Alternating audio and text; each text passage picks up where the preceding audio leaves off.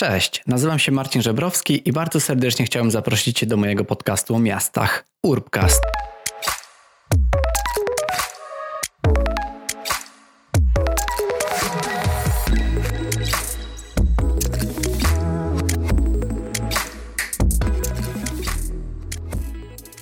Cześć moi drodzy, witajcie w kolejnym odcinku mojego podcastu.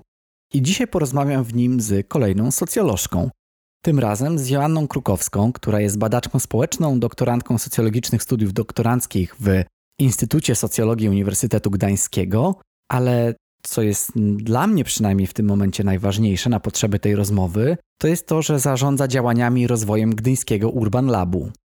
Dzisiejsza rozmowa jest poniekąd kontynuacją lub rozszerzeniem rozmowy z odcinka 16, gdzie porozmawiałem z koordynatorami Urban Labu, czyli z Magdaleną Bień i z Bartkiem Piziakiem z Instytutu Rozwoju Miast i Regionów, którzy właśnie ten, pro, którzy, którzy właśnie ten program koordynują.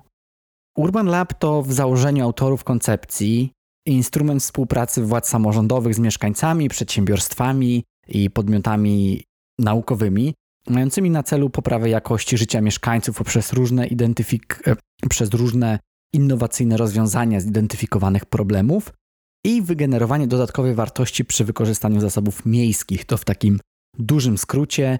Ja natomiast przenoszę się już razem z Wami do Gdyni, gdzie Asia opowiedziała mi o tym, jak to jest realizowane na gdyńskim gruncie. Także zapraszam Was bardzo serdecznie do rozmowy.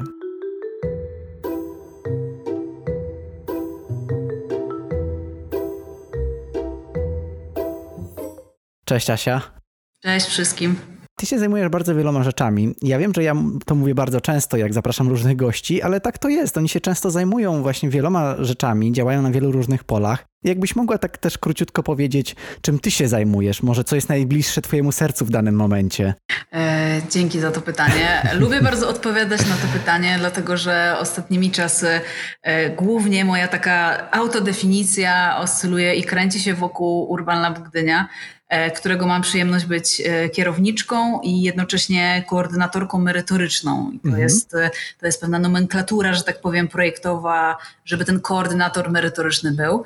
Ale mhm. ja od lat, od lat definiuję się jako badaczka społeczna i socjolożka, ponieważ jestem z wykształcenia socjolożką i badaczką i te kwestie badań różnych grup, społeczności lokalnych, i myślenie w takiej właśnie perspektywie analityczno-badającej e, rzeczywistość społeczną jest czymś mi szalenie bliskim, co też bardzo fajnie integruje się e, i mhm. spaja z samą koncepcją Urban Labu. No tak, bo pytałem właśnie wcześniej Magdalenę Bień, z którą rozmawialiśmy w, w naszej rozmowie o Urban Labach tak ogólnie. I zapytałem się właśnie, mm, czym się zajmujesz, i stwierdziłem, że i tak jakoś się upewnię i sprawdzę właśnie w internecie, sprawdzę Twój biogram. No i właśnie tam mi wyskoczyło bardzo dużo rzeczy. Więc, e, więc chciałem się upewnić, bo wiedziałem właśnie, że koordynujesz e, Urban Lab w Gdyni, natomiast no, to twoje podłoże takie właśnie socjologiczne jest bardzo, bardzo szerokie. Jakbyś mogła właśnie może jeszcze też wspomnieć, czym zajmowałaś się wcześniej przed, przed Urban Lab. E, jasne, tak. E, w sumie cały czas jakby jestem powiązana z gdańską socjologią, w sensie z socjologią na mhm. Uniwersytecie Gdańskim, w którym e, rozpoczęłam e, swoje badania dotyczące e, food sharingu, ogrodów społecznościowych i kuchni społecznych kolektywów kulinarnych. Mhm. W wybranych miastach Polski. Także mam, e, mówię badania, dlatego że jest to projekt, że tak powiem, doktorski, nad którym w tym momencie jest, jest to w jakimś tam stanie zawieszenia, natomiast wciąż mam sporo materiału e, pozbieranego i rzeczywiście wcześniej bardzo mocniej e, przed tym zaangażowaniem w, w działania Urban Labu, ale też ogólnie Laboratorium Innowacji Społecznych, którego to Urban Lab jest częścią, jest działem mhm. tej e, miejskiej jednostki organizacyjnej w Gdyni. Rzeczywiście sporo, e, sporo współprac i sporo realizacyjnych, czy też bardziej merytorycznych rzeczy związanych z badaniami społecznymi e, się, e, się mi poprzeplatało i miałam trochę projektów badawczych za sobą. Mhm. Natomiast nie jest też tak, że nie mam żadnego doświadczenia, jeżeli chodzi o same projekty, bo na przykład przez chwilę koordynowałam projekt aktywizacji społeczno-zawodowej w Miejskim Ośrodku Pomocy Społecznej, więc też mhm.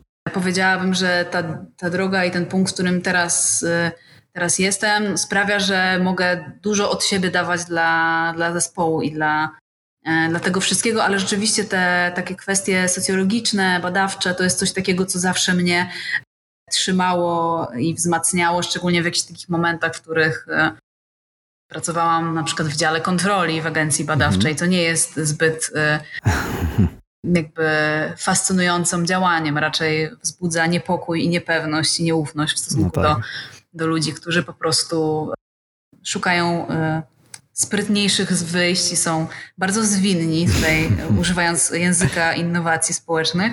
Mhm. Także rzeczywiście w tym, w tym kierunku ale tak, żeby nie było, że tylko mówię o sobie, to też y, muszę przyznać, że zespół, w którym e, pracujemy w Urban Labie Gdynia też jest taki interdyscyplinarny i że to, co jak dołączyłam do, do Urban Labu, a oficjalnie dołączyłam dosyć niedawno, bo w środku mhm. pandemii w kwietniu, wcześniej współpracowałam no tak. i kręciłam się wokół trochę jakby jak wokół tego wszystkiego. Badałaś teren. Dokładnie, badałam teren, włączając się w, włączając się w to. To rzeczywiście mamy super mocny po prostu zespół interdyscyplinarny z różnymi, e, z różnymi ekspertkami i Trochę jest tak, że ja sobie wyobrażam, że takie urban laby czy inne formy to są takie trochę innowacyjne zespoły, innovation teams.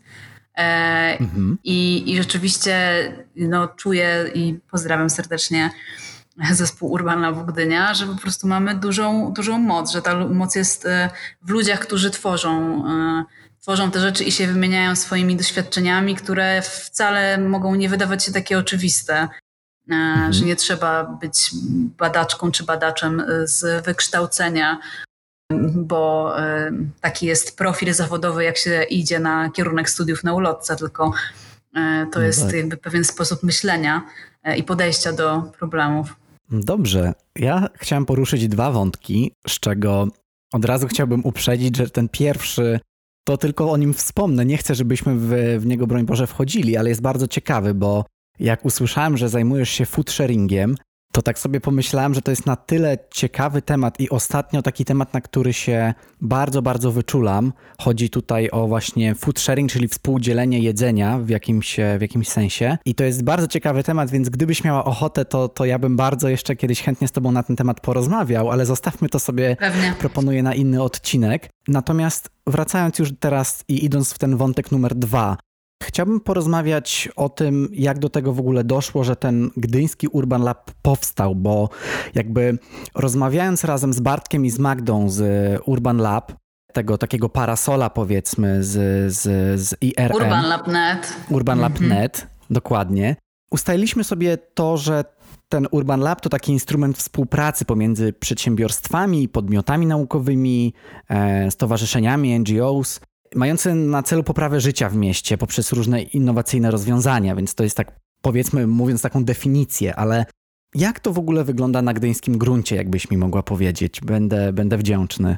Okej, okay, to e, zaczynając od, od początku, do którego ja mogę sięgnąć, bo też e, mhm. tak jak e, wspomniałam, od samego początku mnie było, to e, powiedziałabym, że to są takie dwie równoległe sytuacje. Jedna jest taką e, zewnętrzną i to jest właśnie mhm. E, Instytut Rozwoju Miast i Regionów, czyli, czyli tutaj e, Bartek Magda, ale też e, dyrektor Instytutu, który, który też z tego, co opowiada, opowiada nam koleżeństwo, był włączony mocno w kwestię tej koncepcji, mhm. którzy gdzieś obserwując różne twory tego typu laboratoryjne w tkance miejskiej, stwierdzili, że warto by było zainicjować taki projekt. E, I rzeczywiście okay. projekt jest, e, jest gdzieś tam zainicjowany i to też myślę, że jest bardzo ciekawa konstrukcja dla różnych samorządów, bo mi się osobiście kojarzą projekty z Unii Europejskiej z konkursami, składaniem wniosków, mm -hmm. a tutaj to jest troszeczkę inny kierunek. To znaczy, nasz, my jesteśmy, e, to jest jeden duży projekt, który jest realizowany przez ministerstwo, w tym momencie Ministerstwo Finansów, e, Funduszy i Polityki Regionalnej po mhm. restrukturyzacji rządu.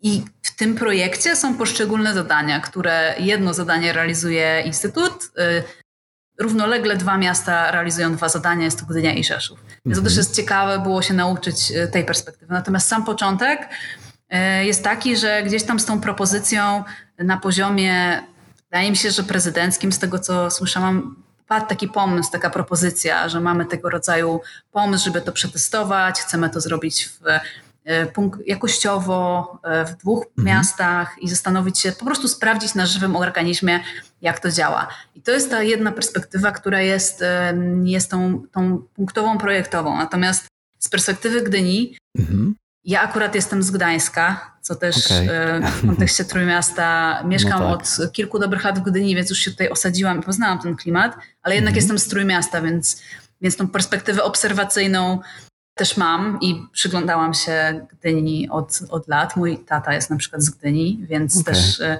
jest to miasto mi e, gdzieś tam bliskie, ale nie, nie jestem tutaj urodzona i wychowana, co też może być mhm. istotnym kontekstem. E, no to Gdynia jest bardzo młodym miastem, e, ale też bardzo ambitnym miastem. Tak. I pomimo tego, że jest e, średniej wielkości jednak miastem, to często jest porównywane do znacznie większych i znacznie starszych. A to dlatego, że no stara się od, od wielu lat robić różne inicjatywy, czy to społeczne, czy z innego zakresu. Ja mogę mówić o społecznych, bo to jest ta moja specjalność. Natomiast rzeczywiście stara się podchodzić w taki sposób, który zwykło się ocenia, e, e, określać jako bardziej, nie wiem, czy zachodni, czy mhm. to nie są już te słowa, które pewnie powinno się ich używać, one są już trochę zakurzone. Natomiast trochę patrząc w przód i zastanawiając się, jak można poprawić jakość życia i myśleć z uważnością większą na, mm, na to, co się dzieje wokół. Więc mhm.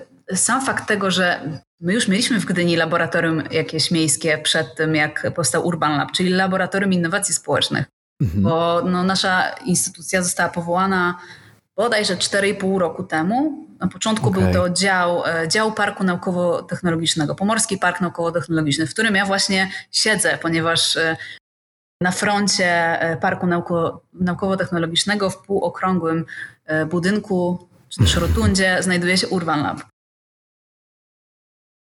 E, więc, e, więc gdzieś tam e, ta idea innowacji społecznych, innowacji technologicznych też była w Gdyni zakorzeniona i tak naprawdę pomysł na to, żeby powołać taki projekt, który będzie jeszcze bardziej świadomie i jeszcze, jeszcze mhm. bardziej myślał o wyzwaniach i włączał różnych interesariuszy, jest po prostu konsekwencją i kolejnym świadomie popełnionym krokiem. Więc tak jakbym miała powiedzieć o początku i dlatego w Gdyni. I nie wiem, jaka była druga część, druga pytania.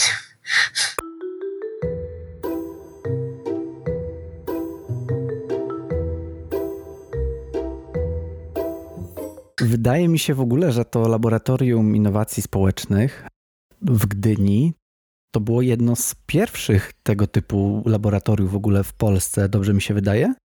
Też mi się tak wydaje, natomiast nie odtworzę mhm. tego w pamięci niestety. Przepraszam tutaj założycieli, założycielki, że nie pamiętam tego, ale to jest też kwestia tego doświadczenia i tej pamięci, która jest osadzona w naszych umysłach ze względu na mhm. swoją praktykę, więc e, no tak. Mm, ja pracuję od dwóch lat w Laboratorium Innowacji Społecznych, co jest i tak już długą drogą, tak? biorąc pod uwagę na to, że ta instytucja jest naprawdę młodą. Więc mhm. myślę, że tak, myślę, że to było jedno z pierwszych i że też realizujemy bardzo różne rzeczy jako, jako LIS, czyli Laboratorium Innowacji Społecznych, bo tak też w skrócie funkcjonujemy jako LIS. Więc, no nie wiem, przykładowo tym bardzo innowacyjnie i na samym początku tak naprawdę powołania już instytucji rozpoczęliśmy wielki proces rewitalizacji poszczególnych e, obszarów, które zostały oczywiście określone w gminnym programie rewitalizacji mhm. i była to, e, no, cały czas trwa rewitalizacja e, i nie była to, była to zarówno, jest, jest cały czas rewitalizacja inwestycyjna, jak i miękka, społeczna. Więc, mhm. więc jest to rzeczywiście gigantyczne, gigantyczne przedsięwzięcie, które, które rozpoczęliśmy. No poza tym w Laboratorium Innowacji Społecznych też partycypacja i dialog no tak. mocno się dzieje. Nie tylko w Urban Labie. To, co jest w Urban Labie, to jest efekt prac innych zespołów tak naprawdę, czy domy sąsiedzkie, które funkcjonują w Gdyni w ramach centrów sąsiedzkich przystań, które mhm. są organizowane przez e, samorząd, bo też podejście do domów sąsiedzkich jest różne. Czasami zarządzają organizacje pozarządowe, a tutaj rzeczywiście w przypadku Gdyni test jest taki, że animatorzy są urzędnikami, e, ale są animatorami. Są też, nie okay. są osobami, które pracowały wcześniej w, za okienkiem przez lata, tylko są po prostu animatorami i animatorkami, którzy mhm. udzielają się i jarają się za przeproszeniem różnymi, różnymi wątkami. Poza tym też takie inkubatory innowacji, które e, na ludzką miarę, który był we współpracy ze stocznią, e, gdzie testowano różne innowacje mające mhm. na celu włączenie społeczne i teraz e, trwa, rozpoczyna się właściwie kolejna edycja tego inkubatora innowacji społecznych. Także dużo tego jest. Jeszcze pewnie jest dużo rzeczy, których nie wymieniłam, za co przepraszam. Bo w ogóle mam nadzieję, że w Gdyni się bardzo dużo dzieje. Ja też przygotowując się do tej rozmowy właśnie e, wypisałem sobie takie zagadnienie, że, że Gdynia to jest dla mnie miejsce, gdzie ten taki duch e, tego rozwoju, przemian, kreowania kultury i, i designu jednak jest, no bo jest jednak nie tylko Opener, jest nie tylko Stowarzyszenie Traffic Design e, z, z Natalią Wielepską, z którego rozmawiałem, czy też Gdynia Design Days. I ogólnie jakoś też no tak troszeczkę subiektywnie, bo ja też e, tak często jak mogę to bywam w Gdyni, bo e, moja dziewczyna, która też jest zresztą urbanistką, wywodzi się z Gdyni. I ja tam często jestem i to mi jakby pokazuje, że ta Gdynia jest bardzo przyjazna, nie jest być może aż tak turystyczna jak Gdańsk, ale, ale coś, coś tam takiego jest, że, e, że, że czuje się to w powietrzu, że powstają fajne miejsca. I ja chciałem zapytać o to, jak w, tym jak w tym kontekście zajmuje się Urban Lab, e, jakby jak w tym kontekście w ogóle jakby przedstawia się Urban Lab, ale może od razu powiem, bo jak się jak przygotowywaliśmy sobie taki dokument przez rozmową, to ty mi od razu powiedziałaś, że Urban Lab to jest taka przejściówka z milionem różnych wyjść. Jakbyś mogła to rozwinąć, bo to mnie bardzo zainteresowało. Bardzo ciekawe porównanie. E, super, dzięki, że do tego nawiązałeś. Też się cieszę, że jakoś doznałam oświecenia, czym może być Urban Lab. E, tak, bo jak, jak ja sobie myślę o tym, co się dzieje, bo w ramach tego trzyletniego testu jesteśmy na półmetku, więc też możemy trochę już powiedzieć, ale też e, mhm. jeszcze nie w pełni wszystko. Natomiast to, co oprócz tego researchu, czy też e, ogólnie szukania inspiracji, pomysłów, to to, co się pojawia bardzo mocno e, w naszej roli, mm, oprócz mhm. tego dialogu, który wszędzie wciskamy, który jest bardzo szeroko pojęty, jest po prostu, mam wrażenie, połączeniem czasami niepołączonych i próbą e, porozmawiania i podjęcia interakcji dwóch stron zamiast y, po prostu wymyślania czegoś z jednej perspektywy, co często ma miejsce wszędzie, w Gdyni mhm. też, w sensie Gdynia dobrze się prezentuje i rzeczywiście dużo się tutaj dzieje, ale jak wszędzie, bywają też sytuacje trudne i sporne i mhm. konfliktowe, bo jest to mhm. po prostu normalne.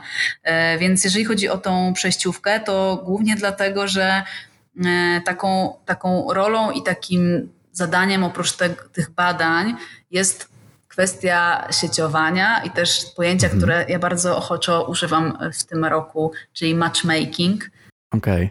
Że trochę jest tak, że my łączymy niepołączonych, robiąc jakieś mhm. wydarzenie, wykład, debatę, dobieramy osoby z właśnie tych, tych e, jak to Bartek mówi, że poczwórna helisa, że mhm. biznes, tak, organizacje tak. pozarządowe, samorząd mieszkańcy i mieszkanki, w sumie też nauka, więc tak naprawdę to jest to, jest to poczwórna helisa i to się tam wszystko przeplata. I, I to jest coś takiego, e, co jak się świadomie, jak świadomie to uruchomiliśmy, uruchomiłyśmy w większości, bo jednak e, genderowo tutaj e, żeńska siła w większości okay. teraz panuje. No to rzeczywiście łączymy niepołączonych i też szukamy mhm. różnych podpięć i przełączeń. To znaczy czasami jest tak, że w ramach tej naszej po prostu turbo przejściówki z miliardem wyjść i wejść bywa tak, że po przełączeniu coś nie działa. W sensie na przykład y, wydaje się nam, że coś będzie dobrze prosperować, a jednak ktoś czegoś nie rozumie. Nie wiem, na przykład mhm. nie słyszy, nie mamy podpięcia pod dźwięk. Z drugiej strony czasami dialog idzie ok, ale nie da się tego dobrze zobrazować, więc, mhm. więc też tak mi się wydaje, że ta kwestia przełączeń i podpięć i podłączeń, tego, że my możemy być już dobrze z kimś zlinkowani, ale to na przykład źle wygląda albo coś niedobrze działa, mhm. jest ciekawą metaforą i cieszę się, że gdzieś mi przyszła do głowy, że bo też... Jeśli się zgodzisz, to bardzo chętnie użyję gdzieś tam w ogóle jako tytuł e, tego naszego spotkania, bo bo myślę, że to jest bardzo, bardzo dobre porównanie. Jasne, jak, naj, jak najbardziej, bo rzeczywiście też jest tak, że e, wchodząc w takie e, bardzo e, atrakcyjne, mam wrażenie, twory, które mają bardzo taką no, zachodnią nazwę, tak, anglojęzyczną nazwę, która podobnie jak nasz budynek daje komunikat do określonej grupy, klasy, klas lub klasy społecznej, jednak tutaj My same i sami zmagamy się z kontekstem inkluzywności naszej instytucji, ale trzeba sobie mhm. przyznać, że jesteśmy formą i jakby sposobem działania dla określonych grup i trzeba się pogodzić, tak jak w kulturze, trzeba się pogodzić, że nie można być dla, wszystkie, dla wszystkich i że nie, mhm. można, nie ma czegoś takiego jak coś dla, dla wszystkich mieszkańców na przykład. Czasami się mhm. pojawia, że robimy to dla wszystkich mieszkańców i mieszkanek. No nie wiem, jak to działa generalnie. Myślę, że to jest bardzo trudny cel, raczej nieosiągalny, więc tak samo, tak samo, tak samo tutaj, żeby znać trochę e, swoje ograniczenia, znać też swoje możliwości. Także.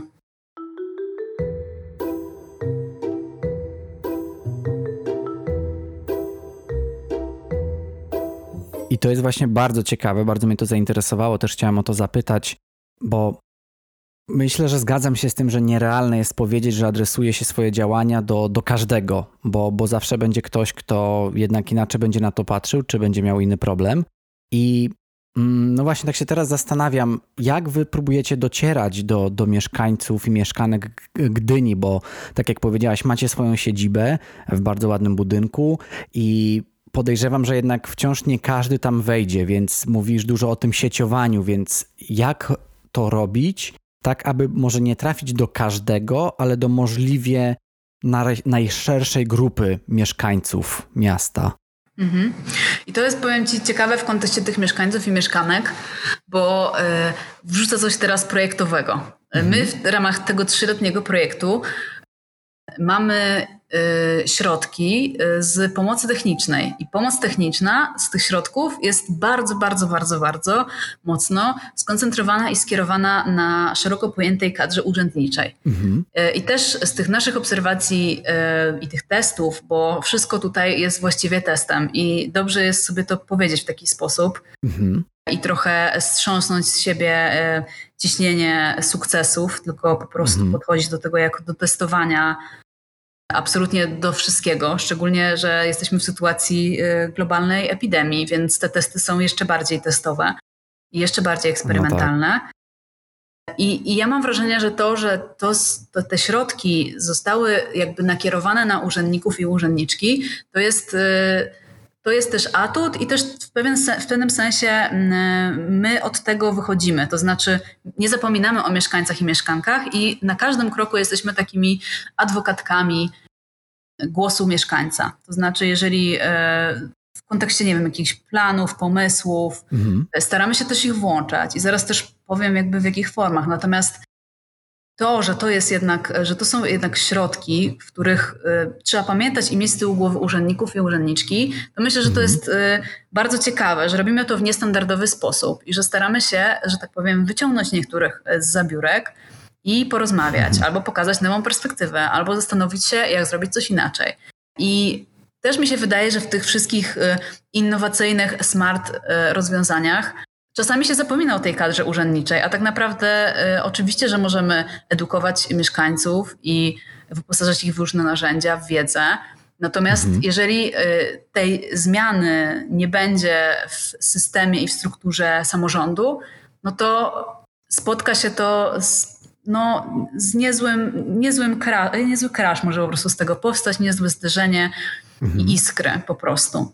Więc y, trochę ja mam takie wrażenie, że to jest bardzo ciekawe, że Urban Lab też się zajmuje tym takim y, tym elementem po prostu pierwszosektorowym i urzędniczym, pokazując okay. nowe metody pracy i też pamiętając o tym, że Urząd Miasta to jest taki trochę, to jest takie miasto w pigułce. To znaczy, no jednak y, pracuje tam dużo osób na różnych stanowiskach i często ich postawy, zachowania są taką po prostu mikromiastem.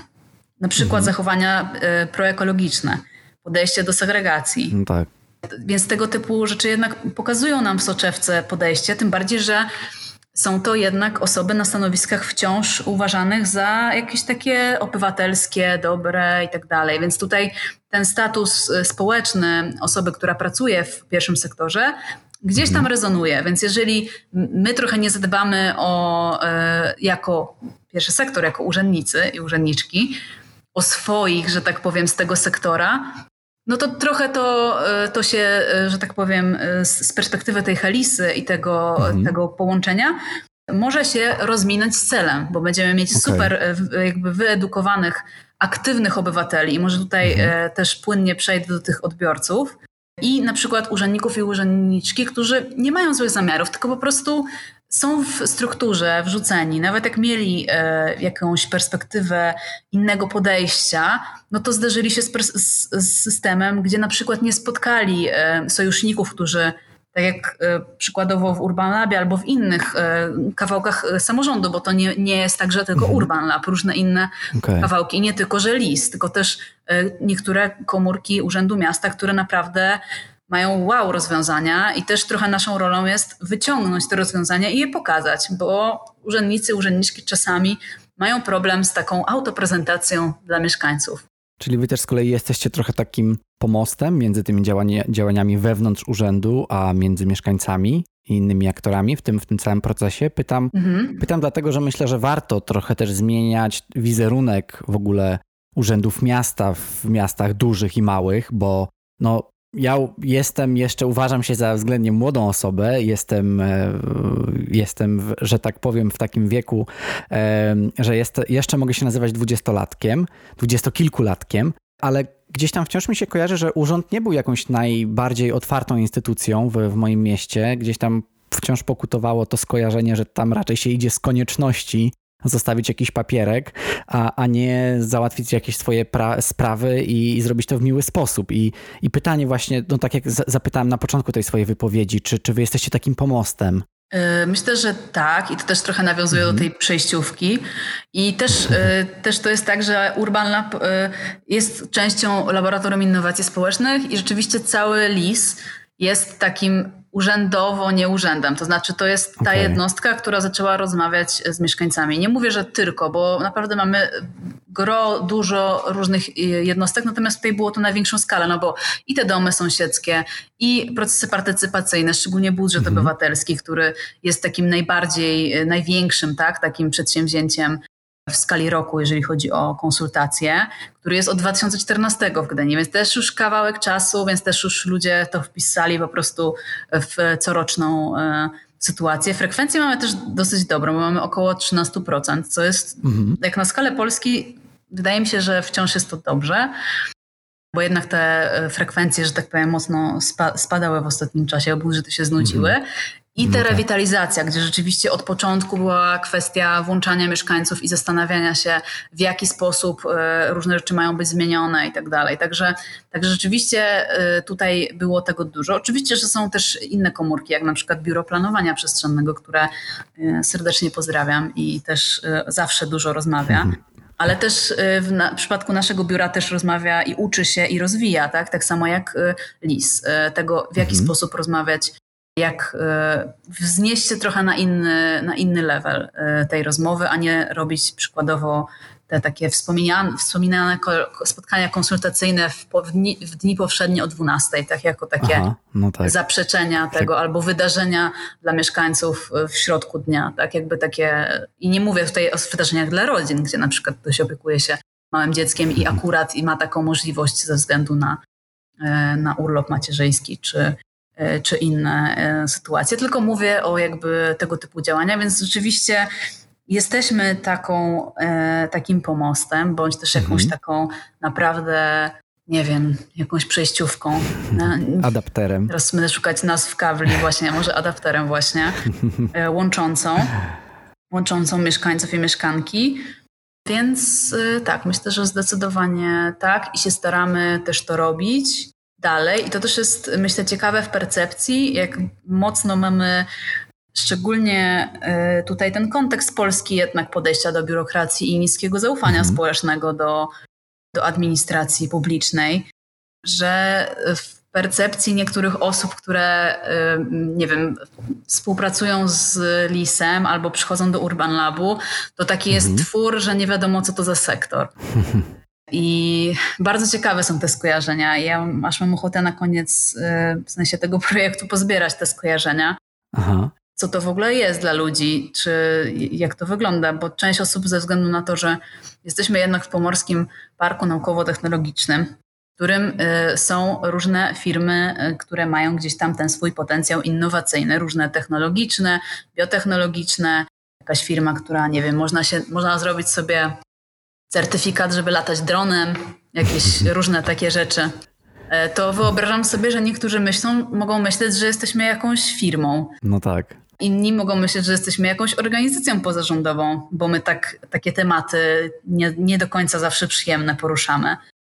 Więc to jest bardzo ciekawe, będąc takim, próbując grać międzysektorowo, jak to wygląda. Na pewno jest to zadanie bardzo trudne i to, co trzeba sobie powiedzieć, to, że to jest bardzo długa droga i nie będzie efektów już, bo to jest wiele lat pracy i to też jest trochę wiele lat jakiegoś takiego utrwalania wzorców, na przykład czym jest urząd. Mhm, no jakby, no tak. jakby jak, kim, kim jest urzędnik, urzędniczka, co robi, mhm. czego nie może robić. Więc w ogóle podejście do innowacji w takim bardzo szerokim rozumieniu czegoś, czego jeszcze nie ma u nas w mieście wdrożonego, no jest cały czas e, wyzwaniem.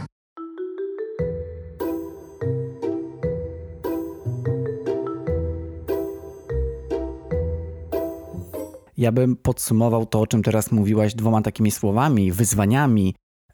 Dostępność i komunikacja, bo trochę o tym mówisz, jakby jak pokazywać na zewnątrz to, czym się zajmujesz, jak też nie odstraszać kogoś, kto na przykład może uznać, że to, co robicie, czy, czy, czy wasze biuro to jest biuro jakiejś firmy, więc, więc nie będzie tam widział potrzeby wejścia. A co do tej dostępności, to jeszcze skojarzyła mi się taka mm, anegdota czy porównanie z Danii, w której mieszkam, że to, że konsultacje są czasem e, w Polsce realizowane o jakichś takich dziwno-środkowo-dniowych godzinach, to, to nie jest jeszcze tak źle, bo czasem niektóre punkty e, właśnie urzędu e, w, w Kopenhadze są dostępne, czy w ogóle linia telefoniczna jest, jest, do, jest dostępna na przykład w godzinach 11-13. Czy na przykład banki zamykają się o godzinie czasem 15, 16, więc Czasem naprawdę pół dnia trzeba, że tak powiem, w pracy poświęcić, żeby sobie wyjść i pozałatwiać sprawy i zrobić to jeszcze w ciągu dnia, więc to też, też nie jest aż tak źle, ale, ale no właśnie, oczywiście lepiej, lepiej jak, jakby byłyby te e, różne konsultacje realizowane w, w godzinach, w których mieszkańcy jednak mogą po pracy spokojnie w drodze do domu wstąpić. I tutaj przejdę, kontynuując ten wątek dostępności, do Waszych działań, ale zanim to zrobię, bo mi na przykład z dostępnością w Gdyni kojarzy się, czy kojarzył gdyński Infopoint, czyli miejsce, w którym był wystawiony model, makieta Gdyni. I jak to pierwszy raz zobaczyłem, to naprawdę bardzo zapadło mi to w pamięć, że to jest takie fajne, zapraszające miejsce, gdzie mieszkańcy nie, bez względu na wiek czy, czy, czy zamożność mogą tam wejść i zobaczyć, jak ich miasto się rozwija. I przechodząc do setna, i chciałbym Cię zapytać, o Wasze działania w Urban Cafe, bo to, to Urban Cafe to jest, popraw mnie jeśli się mylę, najważniejsza czy jedna z najważniejszych działalności w ramach Urban Labu. Przynajmniej tak to rozumiem, bo organizujecie różne wydarzenia, które wychodzą właśnie na zewnątrz i pytanie, do kogo kierujecie te swoje działania i jak je realizujecie. Chodzi mi właśnie o to Urban Cafe. To tak, czy najważniejsza, to tutaj mhm. można dyskutować, e, okay. bo jest to, jest to tak, najbardziej widoczna, na pewno jest szalenie o, mhm. ważna. Tak. I zastanawiam się teraz, jak podejść do tego pytania, bo trochę mam tak, że mam ochotę powiedzieć o wszystkich tych kawałkach, na które składa się Urban Lab, żeby żadna z nich nie została taka pozostawiona. To mo możemy sobie je wymienić i, i potem e, poruszyć wątek Urban Cafe. Super. To y, generalnie z, y, zgodnie z koncepcją, e, która została zainicjowana przez Instytut Rozwoju Miast i Regionów, mhm. I my, jak to bywa z koncepcją i z teorią, wzięliśmy ją i sobie zinterpretowaliśmy do naszych warunków, do mhm. praktyki i do samorządu gdyńskiego. I w ramach, w ramach koncepcji, która przekłada się na nasze działania i na nasze kawałki, które testujemy sobie w, przez te trzy lata, mhm. mamy z jednej strony grupę strategiczną, która jest taką radą mędrców w cudzysłowie, w której mamy sześciu, pięciu ekspertów i jedną ekspertkę zewnętrzną, tak jakby co do co do zasady, oraz całe e, kolegium e, prezydenta miasta Gdyni, którzy wspólnie zastanawiają się nad takimi szerokimi wyzwaniami, e, przed którymi stoi Gdynia, generalnie mhm. przed którymi stoją miasta, ale z, jakby z, tą, z, to, z tym naciskiem na Gdynię. I okay. grupa strategiczna określa wyzwanie roku, czyli, czyli hasło, które, hasło, ideę, problem, którym trzeba się zajmować, że tak powiem, w mhm. ramach tego roku. W 2019 roku była to partycypacja e, e, społeczna i społeczeństwo obywatelskie. Wtedy było to wybrane już tak z góry, bo dopiero co zaczynaliśmy, więc mhm. stwierdziliśmy, że to jest cały czas, cały czas, cały czas to jest problem i temat. W tym roku jest to adaptacja do zmian klimatu. Okej. Okay. A w przyszłym roku, ponieważ jest COVID e, i wszystko trzeba na nowo przekonfigurowywać, to w maj, w, na przełomie kwietnia, e, nie, marca i kwietnia zapadła decyzja, że już rozpoczynamy działania dotyczące e, wyzwania roku 2021, który jest mhm. E, adaptacja do życia w i po pandemii. Okay. Co ja bym chętnie zmieniła nazwę na adaptacja do życia w kryzysach, bo, bo w takiej jesteśmy sytuacji różnych kryzysów. Bo mogą być kolejne. No, myślę, że raczej będą.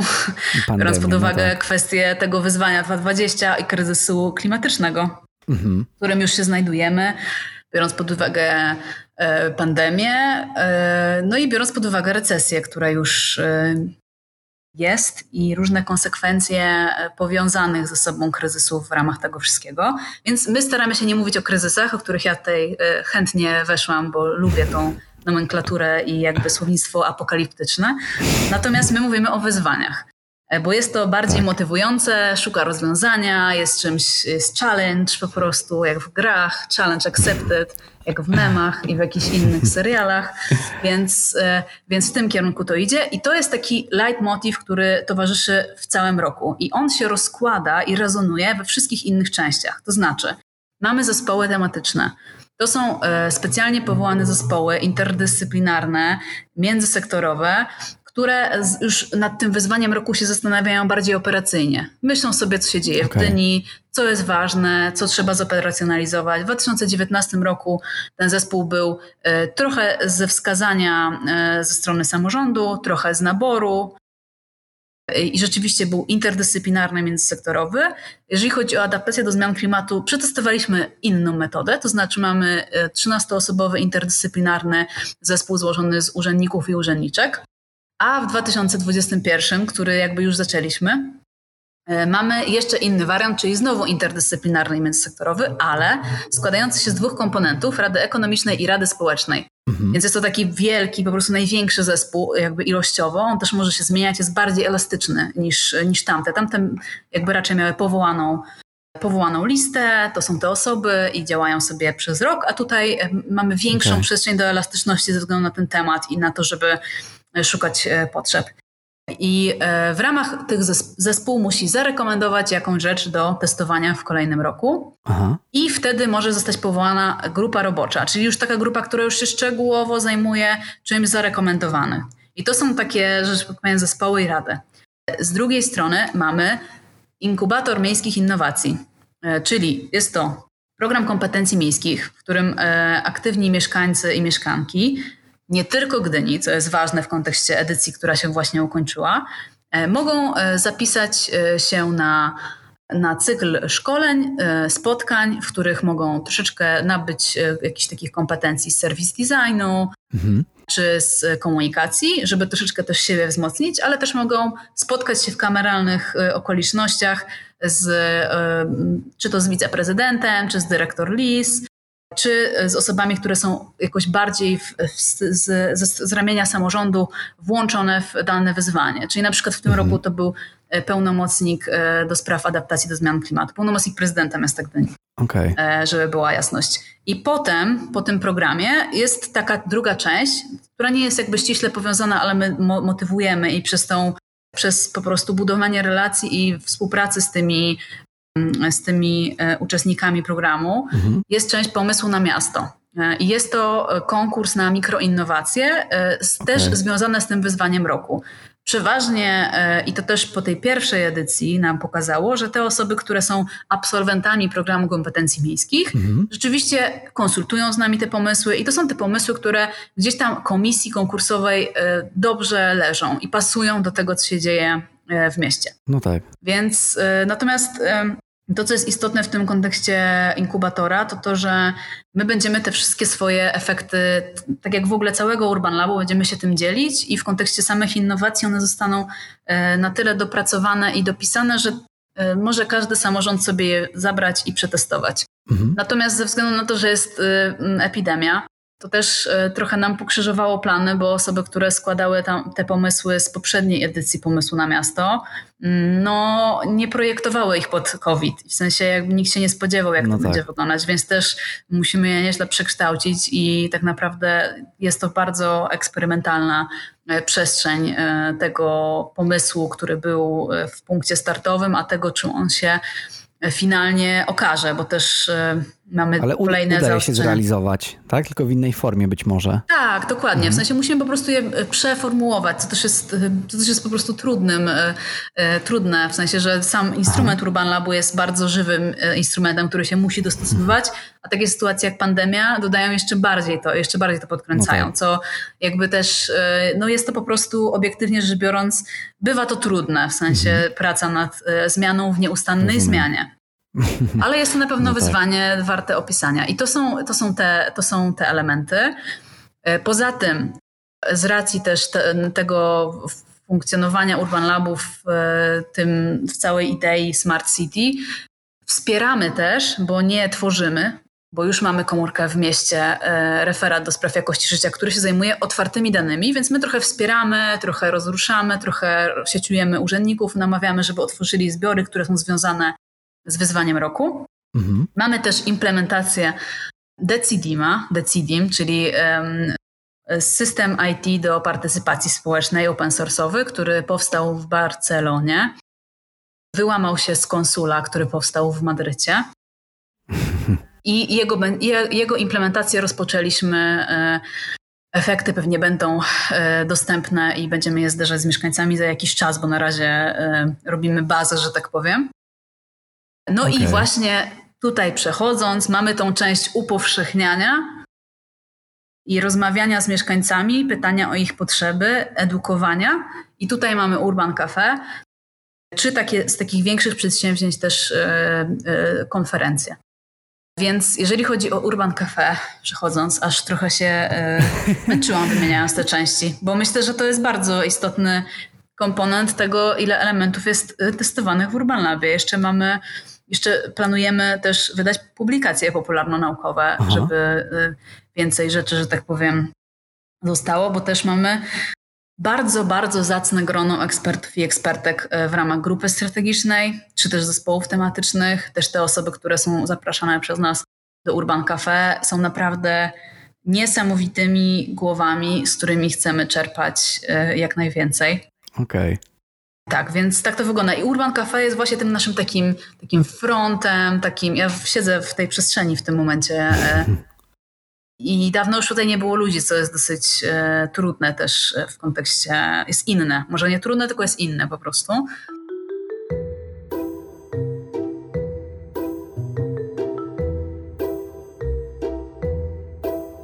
Pozwól, że ci dam złapać oddech, bo z tego co wiem, to Urban Cafe w założeniu miało być miejscem, do którego ludzie mogą przyjść, usiąść i skorzystać z, z wziąć udział w, w, różnych wydarzeniach, pewnie też napić się przysłowiowej kawy, ale pandemia trochę te plany pokrzyżowała i wiem, że dużo, dużo wydarzeń, czy, czy pewnie wszystkie lub większość, jak, jak zaraz powiesz, dzieje się online w postaci na przykład webinarów różnych. Tak jest. E, od otwarcia Urban Labu e, rzeczywiście Urban Cafe mocno rozpoczęło. W sensie, że podejmowaliśmy mhm. tematy, których e, w którym mieście albo brakowało, albo które chcieliśmy rozwijać, które były nowe, co też nie jest łatwe, bo w którym mieście się bardzo dużo rzeczy dzieje i też jest jest bardzo różnorodny i mamy dużo instytucji, też właśnie nie to, że w mieście, tylko jednak przez ten kontekst metropolitalny. Tutaj mamy bardzo dużo przepływów i, i, e, i inspiracji nawzajem, ale też konkurencji w kontekście, e, w kontekście samej publiczności czy podejmowania tematów. I rzeczywiście od początku to było, e, działało. Różnie bywało, to znaczy, że też Urban Cafe było testem. Niektóre tematy lepiej działały, inne gorzej. Ja też y, akurat mogę opowiadać o Urban Cafe, bo byłam włączona od y, bodajże kwietnia 2019, więc też mhm. tym, ten element mocno obserwowałam. Z okay. innymi się nie wypowiem. Tutaj y, musiałabym doprosić koleżanki, które się zajmowały przykładowo mhm. czy to inkubatorem, czy innymi elementami. Natomiast Rzeczywiście ten Urban Cafe był tym punktem spotkań. To też jest tak, że tutaj w tej przestrzeni e, wcześniej e, była e, pracownia Laboratorium Innowacji Społecznych i był realizowany inny projekt, więc też ludzie byli przyzwyczajeni do trochę innych wydarzeń, które teraz raczej mają miejsce okay. w domach sąsiedzkich. Natomiast tutaj były wydarzenia, więc ludzie też, mimo tego, że nasz budynek jednak, jakby to powiedzieć, no, jest taki bardzo nowoczesny mhm. i takim jest uosobieniem, mam wrażenie, po prostu innowacji, technologii i zachodu, albo takiego nowoczesnego budynku z dawniejszych lat, bo on nie jest e, specjalnie nowoczesny i w sensie już teraz mówię o tym w kontekście nie wiem, okay. efektywności energetycznej, czy mhm. jakichś rozwiązań związanych z, e, z OZE, czy, czy kwestią e, okien, że tak powiem. Okay. Więc po prostu jest to, jednak Park Naukowo-Technologiczny już powstał ileś, powstał ileś lat temu, więc też po prostu tak jest, tak? To się, to się zmienia i, mm. i, i wiedza się jakby idzie w, w, w innym kierunku w kontekście bardziej zrównoważonego podejścia. Natomiast ludzie tutaj jakby wiedzieli, że można przychodzić tak dalej, mimo tego, że mam bardzo ciężkie drzwi na przykład, co jest bardzo ciekawe interakcyjnie, szczególnie jak jest wichura, co się często zdarza. Okay na północy i wtedy jest taka walka z tymi drzwiami. Trzeba czasami wspierać e, osoby. Natomiast rzeczywiście było, e, gromadzili się ci ludzie i też samo Urban Cafe, oprócz tego, że jest po prostu okazją do tego, żeby wziąć udział w dyskusji, posłuchać kogoś, posłuchać wykładu, uzupełnić swoją e, wiedzę, no to też było okazją do spotkania i do takiego sieciowania się z nami jako zespołem, czy porozmawiania i zagadania między sobą, mhm. między ludźmi pobycia w jakiejś przestrzeni z osobami, które myślą podobnie. I tutaj szczególnie e, ja tu będę akcentować, ponieważ klimat jest szczególnie bliskim mi wątkiem mhm. i ważnym tematem, który e, no, akcentuję na każdym kroku, no bo jest to duży temat, e, kryzys klimatyczny. I rzeczywiście, jak pamiętam, jak zaczęliśmy e, od września 2019 robić wydarzenia o zmianie klimatu, żeby trochę pouzupełniać wiedzę, mhm. stworzyć okazję, żeby się dowiedzieć. E, bo wtedy tak naprawdę zaczynały się te rzeczy w którym mieście w kontekście takiego popularyzatorskiego podejścia do tego, czym to jest. Jeszcze wtedy nie okay. było wszystko w online, bo jednak e, niekoniecznie, lepiej spotkać się na miejscu, inaczej to wszystko wygląda. To zbudowała nam się też jakby kolejna publiczność wokół tematu. Osoby, które, okay. uczestnicy i uczestniczki, e, którzy nie byli tylko z Gdyni, tylko byli zainteresowani tematem i samo stworzenie e, sytuacji, w której osoby trochę przestraszone, trochę przejęte e, kryzysem klimatycznym mogą się spotkać w jednym miejscu i zobaczyć, że okej, okay, są też takie osoby jak ja, bo na przykład nie działają w żadnych ruchach mhm. społecznych, było bardzo ważną informacją. I to, że Urban Cafe ogólnie stwarza taką platformę i przestrzeń dla osób, które e, są albo aktywnie zainteresowane jakimś tematem, i to dla mnie mhm. już jest definicja aktywnego obywatela czy obywatelki, że się interesuje. I to jest e, pierwszy krok okay, do no tak. budowania wiedzy. Nie trzeba, w sensie sama edukacja i dowiadywanie się już jest jakimś działaniem z mojej perspektywy.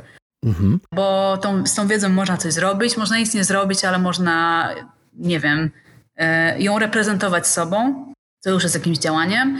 Można mówić innym osobom. No ale oprócz tego, że jakby z, y, kierujemy to do osób, które aktywnie interesują się jakimś tematem i mhm. chcą o tym się dowiedzieć, to też do osób, które by chciały coś zrobić, a niekoniecznie są już w tych strukturach budżetów obywatelskich, rad dzielnic czy innych form. Mhm. Takie osoby jak najbardziej też są u nas y, mile widziane i często nas gościły. Na przykład mieliśmy Forum Rad Dzielnic, taką bardzo fajną inicjatywę Rad Dzielnic Gdyńskich, którzy po prostu organizowali w siedzibie Urban Labu sobie spotkania właśnie okay. z takiej szerokiej perspektywy rad dzielnic, bo przeważnie rady dzielnic jednak są skoncentrowane na swojej lokalnej społeczności. No tak. I często e, to inaczej wygląda, a jednak takie podejście szersze było bardzo, bardzo fajną inicjatywą, mhm. więc oni też się czuli jakby jak u siebie i też o to chodzi. Natomiast przyszła pandemia i z uwagi na to, że nasz budynek jest bardzo, w sensie nasza siedziba jest bardzo przyjazna i przyjemna, a ja się teraz tak rozglądam, jak z tobą rozmawiam e, po niej, bo akurat jestem tutaj. Mimo tego, że z zewnątrz może kogoś przestraszyć na przykład, że jest taka trochę e, zamkowa, czy jakaś taka srebrna i chłodna, to jednak w środku mamy dosyć ciepło i e, trochę jest żółci, trochę jest takich brązów. Jest otwarta kuchnia, praktycznie po wejściu jest, otwarty, jest po prostu blat kuchenny i ekspres i ten kontekst spotkania się przy kawie rzeczywiście był. Okay. Bo rzeczywiście staliśmy po prostu przy tym blacie kuchennym, witając i zapraszając na kawę i herbatę realnie się tej kawy można było napić i po prostu porozmawiać o mieście. Dokładnie o tak. spostrzeżeniach. Dokładnie tak, więc jakby y, to, to było i no i stwierdziliśmy, że w tym budynku fajnie się przebywa, fajnie się pracuje i ciekawie się dyskutuje, natomiast ze względu na Mm, na sytuację pandemiczną, która jest niepewna i też na to, że wiemy, wiedzieliśmy mniej więcej ile osób do nas przychodzi, bo mhm. oczywiście zdarzało się tak, że przyszło kilka osób, bo na przykład była straszna pogoda albo temat po prostu nie kliknął, ale to kilka osób było super wartościowymi osobami i nie chodziło nam o ilość, ale też w pewnym momencie mhm. było tak średnio powiedzmy 40 osób. I że okay. w stosunku do 40 w porywach do 60, bo chyba mamy krzeseł na mniej więcej 60, więc też nie nastawiamy się na jakieś akademickie, wielkie, aularne po prostu sytuacje, mm-hmm. tylko raczej na coś takiego e, e, pomiędzy. Żeby też była ta przestrzeń na rozmowę indywidualną, żeby też nie było przytłoczenia. Natomiast ze względu na obostrzenia, my byśmy tych osób mogli przyjąć pięć. Mm. I stwierdziliśmy, no tak. że przechodzimy do online'u. I tak naprawdę po krótkim rozeznaniu i y, też roz, analizach też rzeczy, które chcieliśmy podejmować tak czy siak w tym roku. Mhm. Od maja jest, jesteśmy w online. Rzeczywiście bardzo intensywnie zaczęliśmy i to jest też dla nas inna jakość. To znaczy nie jest to źle, w sensie jest po prostu inaczej. Też mam wrażenie, że też warto w taki sposób podchodzić do wyzwań slash kryzysów, y, że uczy nas to innego doświadczenia mamy zupełnie innych odbiorców w kontekście skali i zasięgów. To znaczy osoby, które, hmm. nie wiem, zaznaczały na mediach społecznościowych, że e, o, fajne wydarzenie, nigdy się nie pojawią, bo na przykład były w Warszawie i nie chciały dojeżdżać, bo wiązałoby to się z noclegiem, ponieważ my wydarzenia w Urban Cafe stacjonarnie robiliśmy 18-20 do czasami 21, hmm. jak komuś się przedłużyło. Więc frontem do mieszkańca, prawda, urząd, bo wiadomo, że ktoś z nas zamykał. Natomiast e, e, jest inaczej, jest ciekawie, cały czas są z nami też osoby, które, które bywały wcześniej i są, są aktywnie włączone. Też niektóre osoby, które z jakichś losowych przyczyn nie mogły tak często u nas bywać, teraz łatwiej z nim się podpiąć. No i to, na czym zyskujemy w kontekście jakby samej idei tego testowania i tego, że inne miasta mają korzystać z naszych praktyk, no to jest ten zasięg taki ogólnopolski. Czyli mhm. teraz y, można rzeczywiście szeroko. No i tutaj to, co, to, co jest, y, udaje nam się osiągnąć, co byłoby niemożliwe stacjonarnie, to, to jest rzeczywiście frekwencje na niektórych wydarzeniach. To znaczy, że więcej osób ogląda, więc więcej osób, do więcej, większej ilości osób to dociera. I przykładowo ostatnio było spotkanie o o jakości życia w przestrzeni publicznej. Sam byłem, byłem jednym no, z... No, to super. I była po prostu jakiś rekord świata z naszej perspektywy. Bo tak, tak. Nie, naprawdę w sensie, naprawdę było pod wrażeniem, tym bardziej, że nie ma co się oszukiwać od, y, od lockdownu tego pierwszego.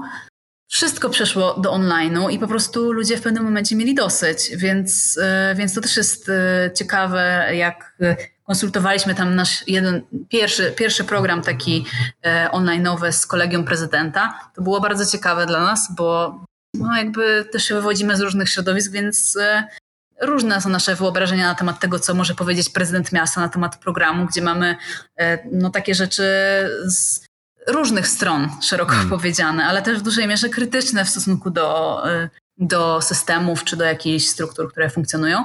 I jedyną uwagą, jaką dostaliśmy, co było bardzo ciekawą informacją zwrotną, to to, że Koniecznie zróbcie tak, żeby była też rozmowa, bo już dosyć tych wydarzeń, gdzie tylko się ogląda, żeby była jakaś interakcja, nie? żeby po prostu były pytania. Więc to było takie, hmm, okej, okay, jasne, bardzo tak. dobra uwaga, nie? w sensie, tak. że rzeczywiście tak i tutaj y, rzeczywiście Magda y, Dębna, która koordynuje Urban Cafe, ona zaczęła koordynować je od online'u. I rzeczywiście y, dobrze y, te pytania, że tak powiem, zadaję i też mam wrażenie, że ludzie są generalnie rzecz biorąc zadowoleni z takiej formy. Zobaczymy, co, mm, co będzie dalej. Natomiast rzeczywiście jest to bardzo, bardzo ciekawa perspektywa tego docierania. No i też z tego, z niektórych wydarzeń z Urban Cafe, też takich premierowych, które były nagrywane naszym rejestratorem dźwięku w siedzibie, z różnym skutkiem, bo czasami, nie wiem, dyktafon na przykład spadał albo źle coś się nagrało, jak to zdarza się technicznie, to uruchomiliśmy też y, podcasty. Także jesteśmy na Podbinie i na Spotify'u. Na razie rzeczywiście obrabiamy materiały, które już powstały, mhm. Ale też przymierzamy się do produkowania po prostu podcastów, które będą celowo podcastami, a nie wydarzeniami y, podcastowymi. Bardzo polecam. Podcast to jest bardzo, bardzo, bardzo dobre narzędzie dotarcia w dzisiejszych czasach do ludzi. No i szczególnie właśnie w tych czasach pandemicznych, gdzie tak jak wasze Urban Cafe przenosimy się do, do online'u tak zwanego. I no, tak jak powiedziałaś, to ma też swoje plusy i, i to, że docieracie do większej ilości osób i to, że być może gdzieś tam e, możecie, mo, może przynajmniej na miejscu fizycznie, no mniejsze siły, mnie, mniejszą siłą zorganizować takie wydarzenie, i, i, i to są na pewno plusy.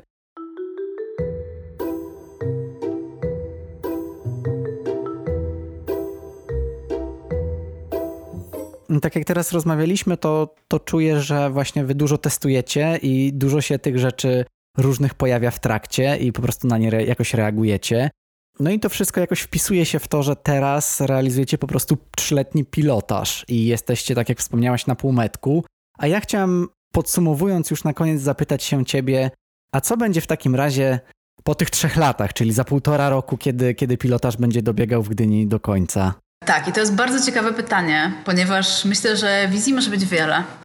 A ja mogę powiedzieć tylko za siebie. To znaczy, y, z racji y, takim wstępem, dlaczego mogę powiedzieć za siebie i dlaczego tak tutaj się teraz spróbuję tłumaczyć, to e, no, siłą rzeczy Urban Lab jest działem w Laboratorium Innowacji Społecznych, który jest miejską jednostką organizacyjną, który mhm. jest kawałkiem samorządu slash Urzędu Miasta. Specjalnie nie używam określenia miasto, bo często w, takiej, e, w takich skrótowych, e, skrótowym języku pierwszego sektora miasto albo aktywistów też, miasto mówi się jako pierwszy sektor. A miasto to wszystko, więc jakby dlatego no tak. podkreślam i się tak siłowo aż mówię samorząd, samorząd, ale to jest bardzo ważne, żeby to się utrwaliło, że jest to samorząd czy też urząd miasta. Mm, więc, więc tak naprawdę tutaj myślę, że my po tym, pod koniec tak, projektu, pod koniec e, powiedzmy, że za rok mhm. albo za rok i jeden miesiąc albo coś w tym stylu, będziemy e, mieć e, wyniki i efekty różnych rzeczy, które się teraz dzieją. Okay których jeszcze nie mogę w pełni mówić, bo e, jak się skończą, to wtedy powiem, bo na razie to nie wiadomo. No tak. I wtedy tak naprawdę myślę, że my jako zespół e, przedstawimy jakby swoją perspektywę e, i też zobaczymy, jakie są oczekiwania i potrzeby samorządu, jakie są potrzeby i oczekiwania władz miasta, jakie są potrzeby i oczekiwania z samego urzędu i oczywiście mhm. naszej dyrekcji, no bo tutaj jest to jednak pewnym sensie strukturalne i hierarchiczne. Natomiast jeżeli ja bym miała mówić za siebie, co mhm. czuję się zaproszona do tego, że tak jednak może tak. być, jako kierowniczka Urban Labu, e, to e, my też oczywiście się rozglądamy za różnymi okolicznościami projektowymi, bo hmm. jest to jednak siła napędowa i warto jest myśleć o projektach nie jako o celu, tylko jako o narzędziu do realizacji dalej postawionych celów. Więc tak samo jest, myślę, z Urban Labem, że to jest test, ale to jednak jest cel y, pewnych innowacyjnych metod pracy interdyscyplinarnej i międzysektorowej, który mhm. gdzieś tam kłębił się w głowach nie tylko samorządu, jakby mieszkańców i mieszkanek też i, i też okay. myślę organizacji pozarządowych wydaje że to coś takiego było, że potrzebne jest takie ciało łączące. Mhm. Tak mi się wydaje. Nie mówię, że tak jest, bo tego nie zbadałam, ale wydaje mi się, że to nie wynika po prostu z decyzji jednej strony. Mhm. Tylko jest to potrzebą e, taką e, międzysektorową.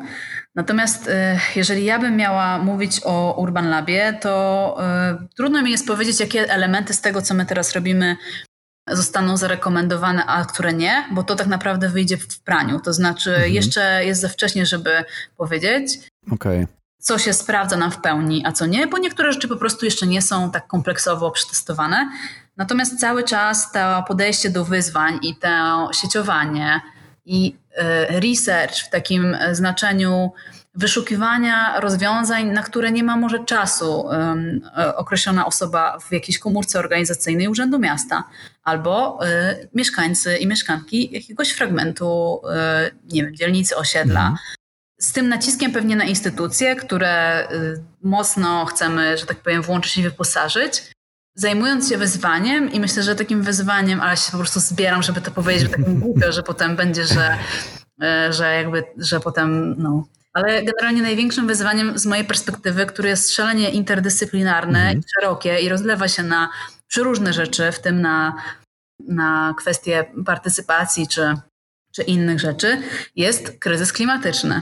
Więc zobaczymy, jak to wszystko pójdzie, ale przykładowo e, to, e, jak, wygląda, e, jak wyglądają środki unijne na najbliższe lata, to jednak ten akcent na kryzys klimatyczny, w którym jest trochę ostatnia chwila, żeby to załagodzić, więc wyobrażam sobie, że Urban Lab wciąż będzie takim interdyscyplinarnym instrumentem, który współpracuje z różnymi aktorami i aktorkami w mieście. Mhm stawiając czoła wyzwaniom, które e, stoją przed, e, przed miastami, ale nie tylko przed miastami, tylko też przed e, suburbiami i innymi terenami i przed nami jako ludzkością. Bo mhm. jakby nie patrzeć, to w dużej mierze jednak miasta wyznaczają trendy tego, co się no dzieje. Tak. Czymkolwiek miasta są już teraz, bo to też jest definicyjnie Trudne pojęcie. Kiedyś mhm. było łatwiej e, jakby wyznaczyć, czym są miasta, a czym nie są.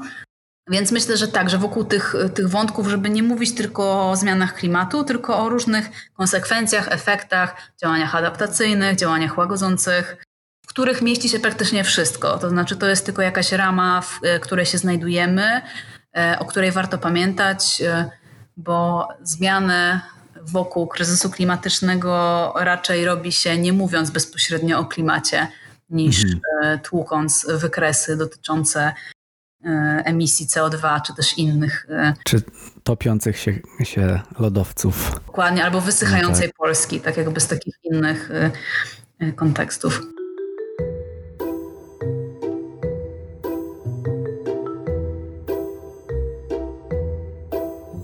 Asia, dziękuję Ci w takim razie, że podzieliłaś się tym, co robicie w, w, w Urban Labie, chociaż e, wiem, że masz na tyle dużą wiedzę, że jeszcze mogłabyś o tych działaniach mówić i mówić.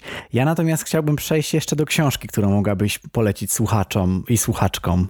Tak, super, dzięki. E, to tak, książka, którą polecam, która gdzieś ze mną mocno została, to jest książka Nadzieja w mroku Rebeki Solnit. Jednak e, mhm. Wciąż pojawia się tu kwestia kryzysów i wyzwań, i myślę, że tego rodzaju e, podejście do, e, do tego, co się teraz dzieje e, mhm.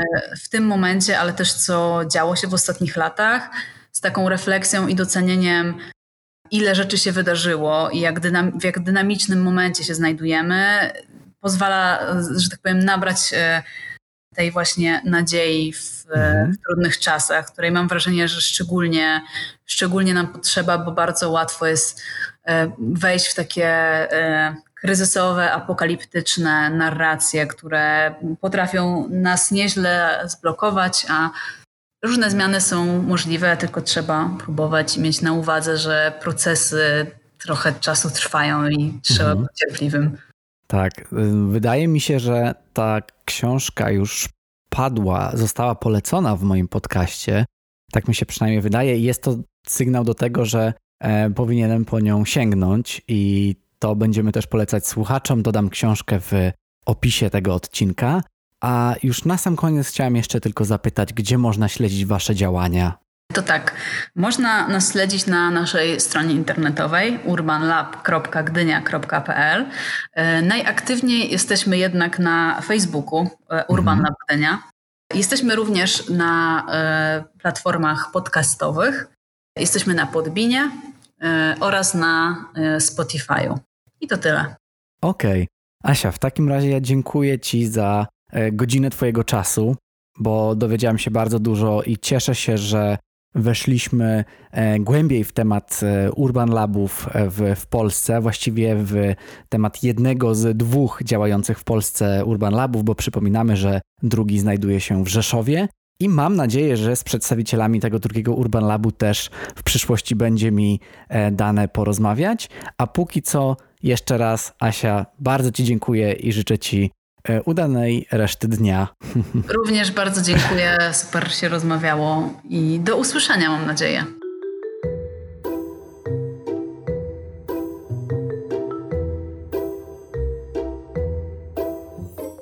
Dzięki wielkie za wysłuchanie najnowszego odcinka mojego podcastu.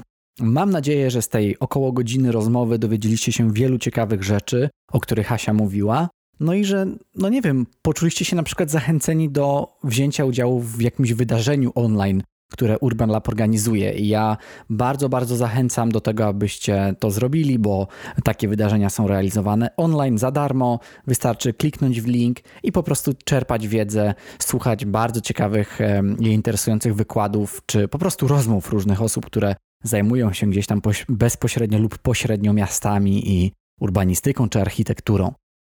Dobra, tyle z mojej strony na, na ten temat i do usłyszenia w kolejnym odcinku.